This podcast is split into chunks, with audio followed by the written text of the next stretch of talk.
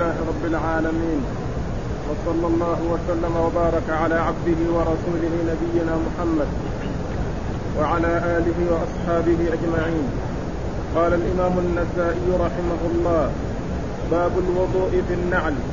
وقال أخبرنا محمد بن العلاء قال حدثنا ابن إدريس عن عبيد الله ومالك وابن جريج عن المقبوري عن عبيد بن جريج قال قلت لابن عمر رضي الله عنهما رأيتك تلبس هذه النعال السبتية وتتوضأ فيها. قال رأيت رسول الله صلى الله عليه وسلم يلبسها ويتوضأ فيها. بسم الله الرحمن الرحيم. الحمد لله رب العالمين. وصلى الله وسلم وبارك على عبده ورسوله نبينا محمد وعلى آله وأصحابه أجمعين. أما بعد يقول النسائي رحمه الله باب الوضوء بالنعل. المراد من هذه الترجمة كما هو واضح آه، بيان حكم الوضوء في النعل حكم الوضوء الوضوء في النعل وهو كل إنسان يتوضأ في النعال بمعنى أنه يتوضأ والنعال عليه لكن بشرط أن يستوعب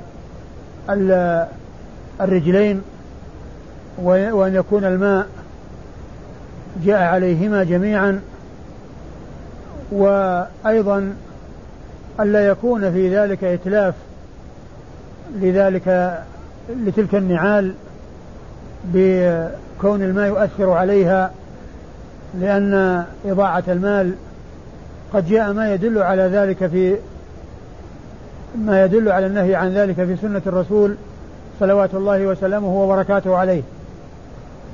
فإذا لا بد من الاستيعاب في الغسل ولا بد من أن يكون ليس فيه إتلافا للمال.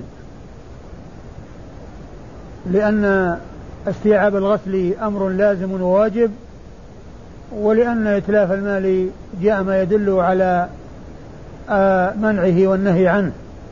كما جاء في الحديث إن الله ينهاكم عن ينهاكم عن ثلاث قيل وقال وكثرة السؤال وإضاعة المال. وقد أورد النسائي في هذا حديث عبد الله بن عمر بن الخطاب رضي الله تعالى عنهما أن عبيد بن جريج التابعي قال له رأيتك تتوضأ رأيتك تلبس هذه النعال السبتية وتتوضأ فيها فقال رأيت النبي صلى الله عليه وسلم يلبسها ويتوضأ فيها. و والسبتية هي السبتية هي المتخذة من الجلود التي لا شعر فيها التي لا شعر فيها والتي دبغت. وقيل إنها مأخوذة من السبت أو مضافة إلى السبت وهي جلود البقر. وهي جلود البقر و ابن عمر رضي الله عنه وأرضاه لما سئل عن ما رؤي يفعله أجاب بأنه رأى النبي صلى الله عليه وسلم يفعل ذلك. وفي هذا دليل على ما كان عليه أصحاب الرسول صلى الله عليه وسلم من الالتزام بالسنن والأخذ بها وكذلك أيضا ما كان عليه سلف هذه الأمة لأن ذلك التابعي الذي رآه يتوضأ يلبس النعال السبتية ويتوضأ بها يتوضأ فيها قال سأله عن ذلك فأجابه بمستنده وبالمعول الذي عول عليه فيه وهو كونه رأى النبي عليه الصلاة والسلام آه، يفعل ذلك. ففيه بيان ما كان عليه الصحابة من اتباع الرسول صلى الله عليه وسلم وبيان ما كان عليه التابعون من الحرص على معرفة آه، السنن والآثار ومعرفتهم وسؤالهم عن عما يرونه مما قد يرونه مشكلا فيسألون أو ينبهون على ذلك فيعرفون وجه الصواب في ذلك ويعرفون المستند إليه في ذلك وهو ما جاء عن رسول الكريم صلوات الله وسلامه وبركاته عليه.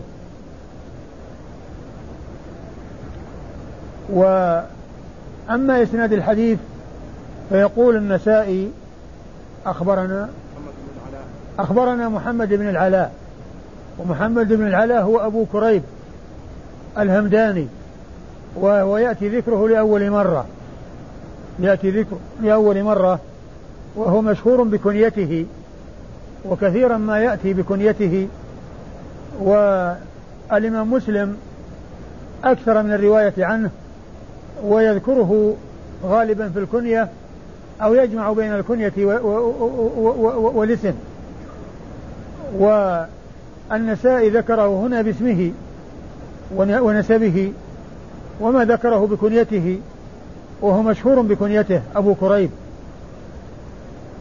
وأبو كريب هذا هو محمد بن العلاء أبو كريب الهمداني وهو ثقة خرج حديثه أصحاب الكتب الستة.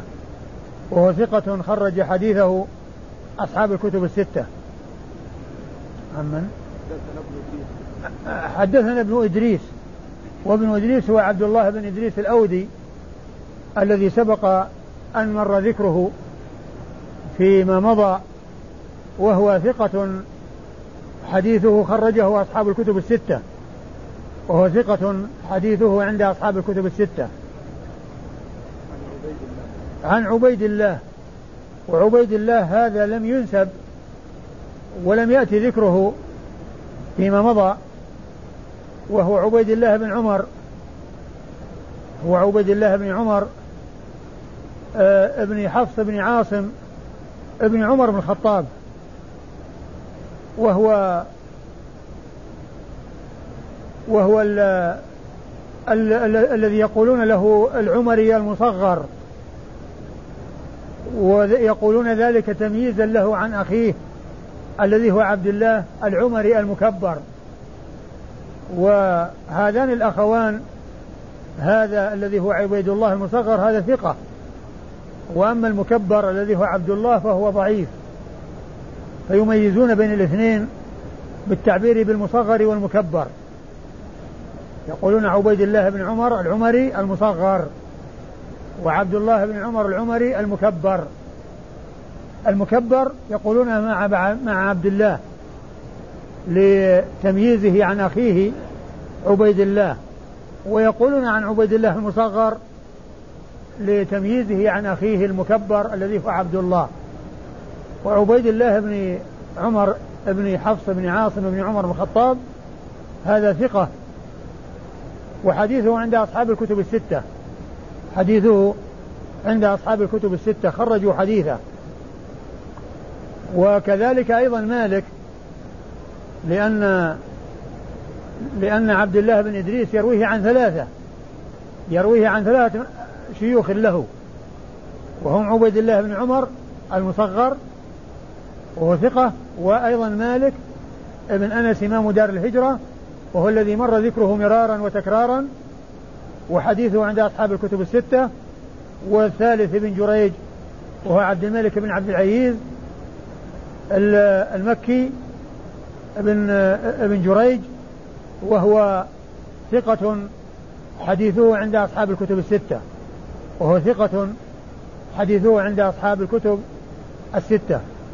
فعبد الله بن إدريس الأودي يرويه عن ثلاثة من شيوخه وهم عبد الله بن عمر ومالك بن أنس وعبد الملك بن جريج وهؤلاء الثلاثة الذين هم مشايخه هم هم من الثقات ومن رجال أصحاب الكتب الستة.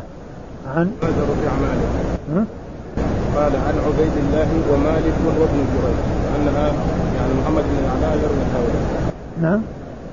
قال محمد بن العلاء حدثنا ابن إدريس عن عبيد الله ومالك وابن جريج يعني قال حدثنا إيش؟ حدثنا عبد الله بن إدريس. قال حدثنا ابن إدريس عن عبيد الله ومالك وابن جريج عن المذكورين اي نعم. يعني الشيوخ الذين روى الذين روى الشخص الذي روى عن هؤلاء هو هو هو عبد الله بن إدريس. فشيوخه ثلاثة. شيوخه ثلاثة. لأن محمد بن العلاء يروي عن محمد عن عبد الله بن إدريس. وعبد الله بن إدريس يروي عن هؤلاء الثلاثة. وعبد الله بن إدريس يروي عن هؤلاء الثلاثة. والخمسة كلهم الذين مضوا من رجال أصحاب الكتب الستة. وكلهم ثقات. محمد بن العلاء شيخ النسائي آه ثقة من رجال الجماعة. ويروي عن شيخه عبد الله بن إدريس الأودي وهو ثقة من أصحاب من رجال الجماعة. وعبد الله بن إدريس يروي عن هؤلاء الثلاثة الذين هم عبيد الله ومالك وابن جريج وهؤلاء الثلاثة من الثقات ومن رجال الجماعة. الثلاثة يرون عن من؟ والثلاثة يرون عن المقبري. والمقبري هو سعيد ابن أبي سعيد واسمه كيسان ابن سعيد المقبري فالمقبري هنا يراد به لأنها تطلق على سعيد وتطلق على كيسان.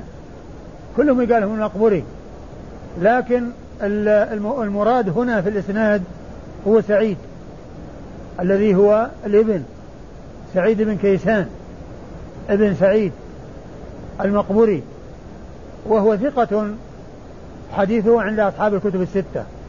وهو ثقة حديثه عند أصحاب الكتب الستة. يروي عن من؟ وسعيد المقبري يروي عن عبيد بن جريج. يروي عن عبيد ابن جريج.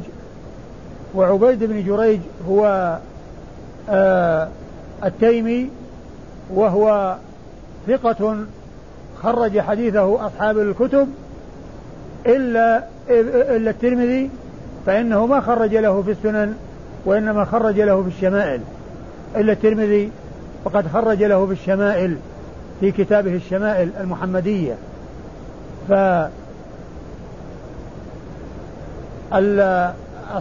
أصحاب الكتب الستة رووا عنه. في كتبهم إلا إلا الترمذي فإنه خرج له في كتابه الشمائل وما خرج له في السنن وهو ثقة. و والصحابي هو عبد الله بن عمر الذي مر ذكره فيما مضى وهو أحد العبادلة الأربعة من الصحابة وهو أحد السبعة المكثرين من رواية الحديث عن رسول الله صلوات الله وسلامه وبركاته عليه. والذين قال فيهم السيوطي في ألفيته والمكثرون في رواية والمكثرون في رواية الأثر أبو هريرة يليه بن عمر وأنس والبحر كالخدري وجابر وزوجة النبي. نعم. محمد بن العلاء يروي عن ابن يزيد ومالك وابن جريج شلون؟ وليس ابن ادريس شلون؟ يعني إذا قلنا أخبرنا محمد بن العلاء قال حدثنا ابن إدريس عن عبيد الله. ترك الإسناد وذهب ومالك وابن جريج. يعني محمد بن العلاء يروي عن عبيد شلون يقول؟ إيش أخبرنا؟ حدثنا؟ أخبرنا محمد بن العلاء قال حدثنا ابن إدريس عن عبيد الله. ثم رفع ومالك وابن جريج. مرفوع. إيه. ومالك. ومالك. ومالك وابن جريج عن المقبوري ما أدري هذا يحتاج إلى أن يتحقق عنه. يعني الذي يعني لو كان يعني ابن إدريس يروي عن هؤلاء الثلاثة عن عبيد الله ومالك ما يكون مالك لا هو هو هو هو الضبط يعني كما هو معلوم هو لازم قد يكون غلط.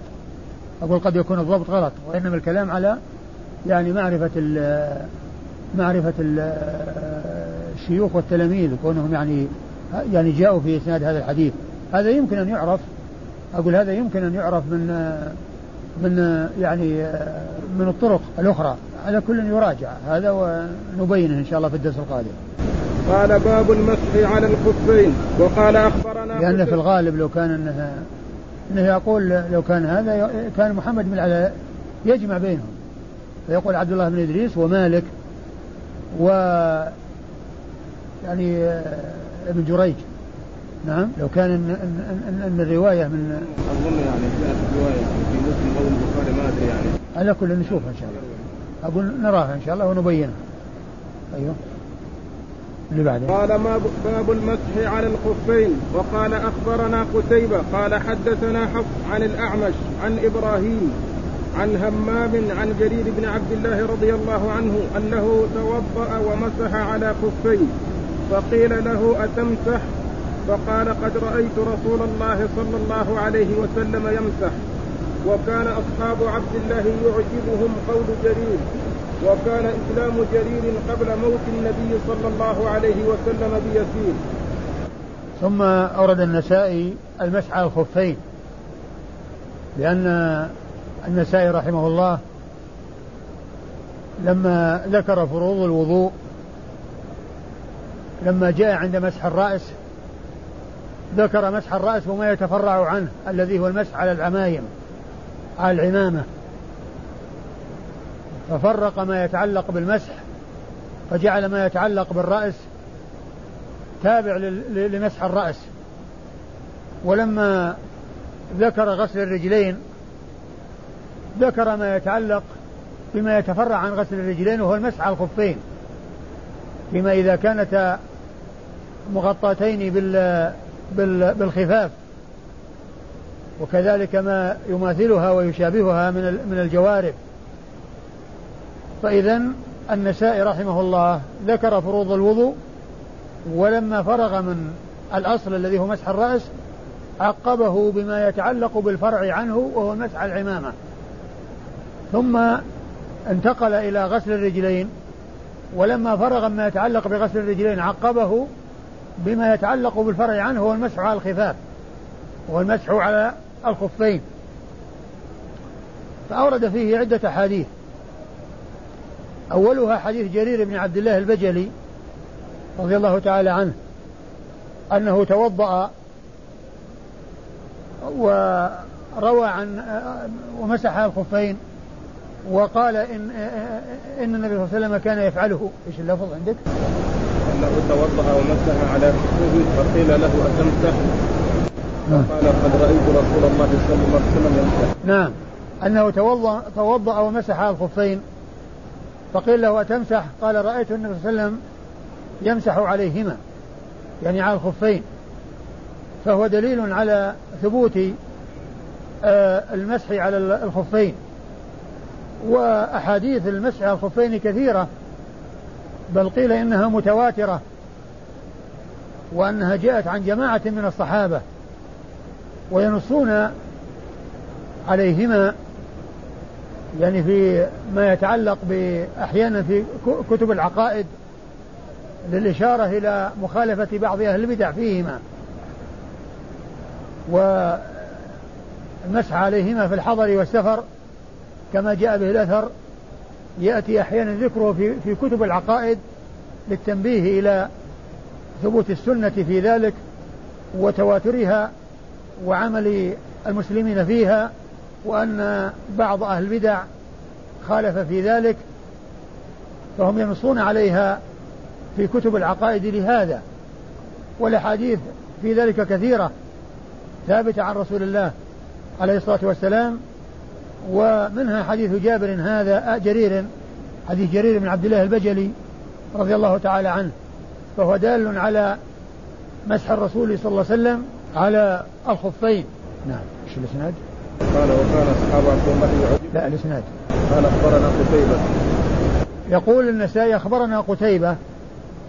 أخبرنا قتيبة وهو قتيبة من سعيد الذي مر ذكره مرارا وهو أول شيخ روى له النسائي في سننه وكثيرا ما يأتي ذكره في الأسانيد يروي عنه النسائي أحاديث كثيرة. حدثنا؟ قال حدثنا حفص وحفص هو ابن غياث ابن طلق بن معاوية النخعي الذي الذي سبق الكوفي الذي سبق أن مر ذكره فيما مضى والذي مر ذكره قريبا يروي عنه ابن أخ ابن ابن عمه طلق بن غنام. لأنه سبق أن مر بنا قريبا أن طلق بن غنام يروي عن حفص بن غياث. وطلق بن غنام وحفص بن غياث أخوان أخ... آآ ابن عم. لأن غنام وغياث أولاد لطلق بن معاوية. وطلق وحفص بن غياث هذا هو الذي مر فيما مضى يروي عنه ابن ابن عمه طلق بن غنام. وطلق وحفص بن غياث هذا ثقة خرج حديثه أصحاب الكتب الستة.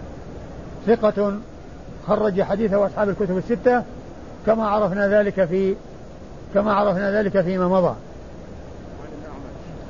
عن الأعمش والأعمش هو سليمان بن مهران الكاهلي الذي سبق أن مر ذكره مرارا وتكرارا وهو يأتي باللقب كما هنا ويأتي ذكره بالاسم والنسب كما يأتي في بعض الأسانيد. ولكنه مشهور بلقبه وهو الأعمش ويأتي ذكره كثيرا باللقب. ويأتي ذكره أحيانا بالاسم وقد ذكرت فيما مضى أن فائدة معرفة الألقاب حتى لا يظن الشخص الواحد شخصين فيما إذا ذكر مرة باسمه ومرة بكنيته فالذي لا يعرف يظن أن هذا غير هذا. ومن عرف أن الأعمش كنية لسليمان بن مهران لا يلتبس عليه الأمر فإذا جاء مرة باسمه ومرة بلقب بلقبه عرف بأن هذا هو هذا وأن هذا هو هذا ولا يلتبس على من يعرف ومن لا يعرف يظن الشخص الواحد شخصين. فيما إذا ذكر مرة باسمه ومرة بلقبه. يظن يظن أن سليمان غير غير الأعمش وأن الأعمش غير سليمان. والأعمش ثقة من رجال الجماعة. خرج حديثه أصحاب الكتب الستة.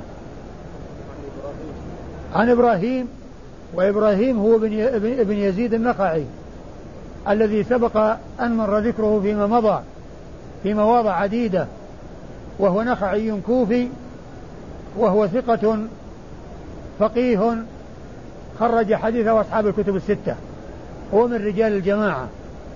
وذكرت لكم فيما مضى كلمة تؤثر عنه وأنه هو السابق إليها وهو الذي هو أول من قالها وهي التعبير بعبارة ما لا نفس له سائلة لا ينجس الماء إذا مات فيه التعبير عن الحيوانات التي لا دم فيها بأنها لا نفس لها سائلة لأن الدم يقال له نفس يطلق عليه نفس فيعبرون عن الدواب التي لا دم فيها كالجراد وكالذباب بأنه لا نفس لها سائلة. وأول من قال أو أول من عبر بهذه العبارة من الفقهاء فقال ما لا نفس له سائلة لا ينجس الماء إذا مات فيه هو إبراهيم النخعي وعنه تلقاها الفقهاء من بعده. فهي من أولياته. وقد ذكر ذلك ابن القيم في كتابه زاد المعاد حيث قال أول من عرف عنه أنه عبر بهذه العبارة هو إبراهيم النخعي وعنه تلقاها الفقهاء من بعده فهو محدث فقيه. يروي عن همام وهمام يأتي ذكره لأول مرة وهو همام بن الحارث ابن قيس بن عمرو النخعي الكوفي وهو ثقة حديثه عند أصحاب الكتب الستة وهو ثقة حديثه عند أصحاب الكتب الستة. و آه، جاء في آخر الإسناد وكان أصحاب عبد الله عبد الله يعني عبد الله بن مسعود يعجبهم يعجبهم قول جرير يعني كونه يروي حديث المسح المسح على الخفين. ذلك لأن جريرا أسلم قبل وفاة الرسول صلى الله عليه وسلم بيسير. يعني ومعنى هذا أن المسح على الخفاف كان في أواخر الأمر وكان في آخر حياة الرسول صلى الله عليه وسلم وأنه حكم محكم غير منسوخ لأن ذلك وقع لأن كون جرير هو الذي آه، يرويه عن رسول الله صلى الله عليه وسلم ويقول رأيت عليه وسلم يمسح على الخفين وكان ذلك في آخر حياة النبي عليه الصلاة والسلام لأن جريرا إنما أسلم قبل وفاة الرسول صلى الله عليه وسلم بيسير فكان أصحاب عبد الله يعجبهم قول جرير يعني كونه يتوضأ كونه يمسح على الحباب ويقول رأيت الرسول صلى الله عليه وسلم يمسح على الخفين. إذا هذا حكم متأخر وكان في آخر حياة الرسول صلى الله عليه وسلم والرسول صلى الله عليه وسلم فعله في أواخر حياته لأن جريرا إنما أسلم قبل وفاة الرسول صلى الله عليه وسلم بيسير فقوله يعجبهم قول جرير لأنه أسلم قبل وفاة الرسول صلى الله عليه وسلم بيسير يعني فهو محكم فهو حكم محكم وكان في آخر حياة الرسول عليه الصلاة والسلام. نعم. مر بنا جرير نعم وجرير مر بنا وجرير مر بنا فيما مضى الذي يروي عنه آه يروي عنه أبو زرعة يروي عنه آه، إبراهيم بن جرير يعني في آه، الأحاديث الماضية مر ذكره. نعم. قال أخبرنا العباس بن عبد العظيم قال حدثنا عبد الرحمن قال حدثنا حرب بن شداد عن يحيى بن أبي كثير عن أبي سلمة عن جعفر بن عمرو بن أمية الضمري عن أبيه رضي الله عنه أنه رأى رسول الله صلى الله عليه وسلم توضأ ومسح على الخفين. ثم هذا أيضا حديث آخر عن آه عن عمرو بن أمية الضمري رضي الله تعالى عنه أنه رأى الرسول صلى الله عليه وسلم توضأ ومسح على الخفين. فهو حديث آخر عن صحابي آخر. الحديث الأول عن جرير وهذا عن عمرو بن أمية الضمري. ويقول إنه رأى النبي صلى الله عليه وسلم توضأ ومسح على الخفين. توضأ ومسح على الخفين. فهو من من من, من جملة الأحاديث الدالة على إثبات هذا الحكم وهو المسح على الخفين. أما إسناد الحديث فيقول سيخبرنا العباس بن عبد العظيم.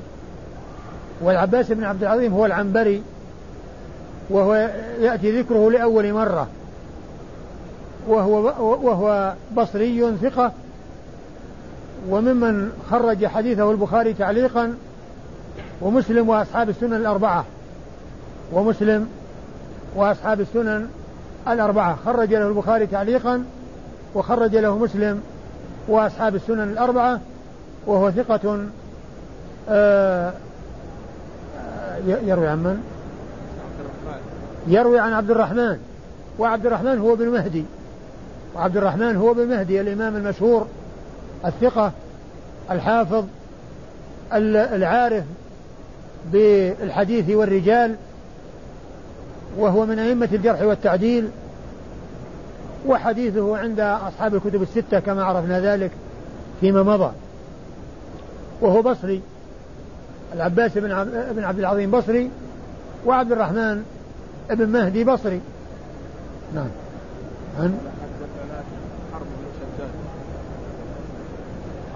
قال حدثنا حرب بن شداد وحرب بن شداد هو اليشكري البصري وهو ثقة خرج حديثه أصحاب الكتب الستة إلا ابن ماجه.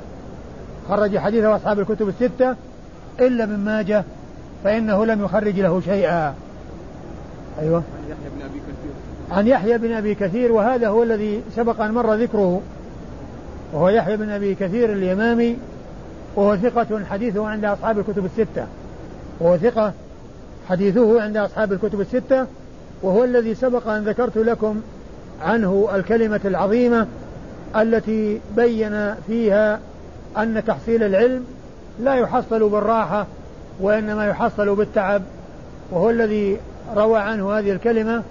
الإمام مسلم في صحيحه في أثناء سياقه لطرق حديث عبد الله بن عمرو بن العاص في أوقات الصلاة وفي في بيان أوقات الصلاة فإنه روى بإسناده أي الإمام مسلم عن يحيى بن أبي كثير قال لا يستطاع العلم براحة الجسم لا يستطاع العلم براحة الجسم. يعني لا يحصل العلم بالراحة وإنما العلم يحصل بالتعب والمشقة والعناء فهو صاحب هذه الكلمة العظيمة لا يستطاع العلم براحة الجسم. وهو آه من رجال الجماعة ثقة خرج حديثه أصحاب الكتب الستة. عن أبي سلمة. وابو سلمة هو ابن عبد الرحمن. أبو سلمة هو ابن عبد الرحمن. الذي سبق أن مر ذكره فيما مضى بل في أول حديث في سنن النسائي جاء ذكر أبي سلمة هذا وهو ثقة حديثه عند أصحاب الكتب الستة وهو أحد الفقهاء السبعة على أحد الأقوال في السابع. لأنني سبق أن ذكرت لكم أن الفقهاء السبعة في المدينة من التابعين كانوا في عصر واحد في عصر التابعين وكانوا أهل حديث وأهل فقه فيطلق عليهم الفقهاء السبعة. وستة منهم متفق عليهم والسابع فيه ثلاث أقوال أحدها أبو بكر بن عبد الرحمن بن الحارث بن هشام والثاني أبو سلمة بن عبد الرحمن بن عوف والثالث سالم ابن عبد الله ابن عمر. وأبو سلمة هذا هو أحد الفقهاء السبعة على أحد الأقوال الثلاثة في السابع وهو ثقة حديثه عند أصحاب الكتب الستة. وهو يروي عن جعفر بن عمرو بن أمية الضمري وجعفر هذا آه، ابن عمرو بن أمية الضمري هو ثقة حديثه عند أصحاب الكتب الستة إلا ابن ماجه وهو مثل حرب بن شداد الذي مر ذكره في أثناء الإسناد آه، خرج خرج له أصحاب الكتب الستة إلا ابن ماجه مثل حرب بن شداد.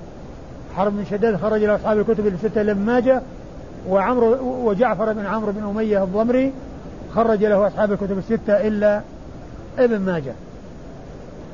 أما أبوه الذي يروي عنه هو الصحابي وهو صحابي الحديث وهو عمرو بن أمية الضمري فهو صاحب رسول الله عليه الصلاة والسلام ورضي الله تعالى عن الصحابة أجمعين وحديثه عند أصحاب الكتب الستة. حديثه عند أصحاب الكتب الستة وله عشرون حديثا إيه، انفرد البخاري اتفق البخاري ومسلم على حديث منها وانفرد البخاري بحديث ولم ينفرد مسلم بشيء. فهي عشرون آه، حديثا آه، اتفق البخاري ومسلم منها على حديث واحد وانفرد البخاري بحديث ولم ينفرد مسلم بشيء. بل الذي له في من أحاديث عمرو حديث واحد. وأما البخاري فله من أحاديث عمرو حديثان. حديث شاركه فيه مسلم وحديث انفرد به عن الإمام مسلم. أه والله أعلم وصلى الله وسلم وبارك على عبده ورسوله نبينا محمد وعلى آله وأصحابه أجمعين.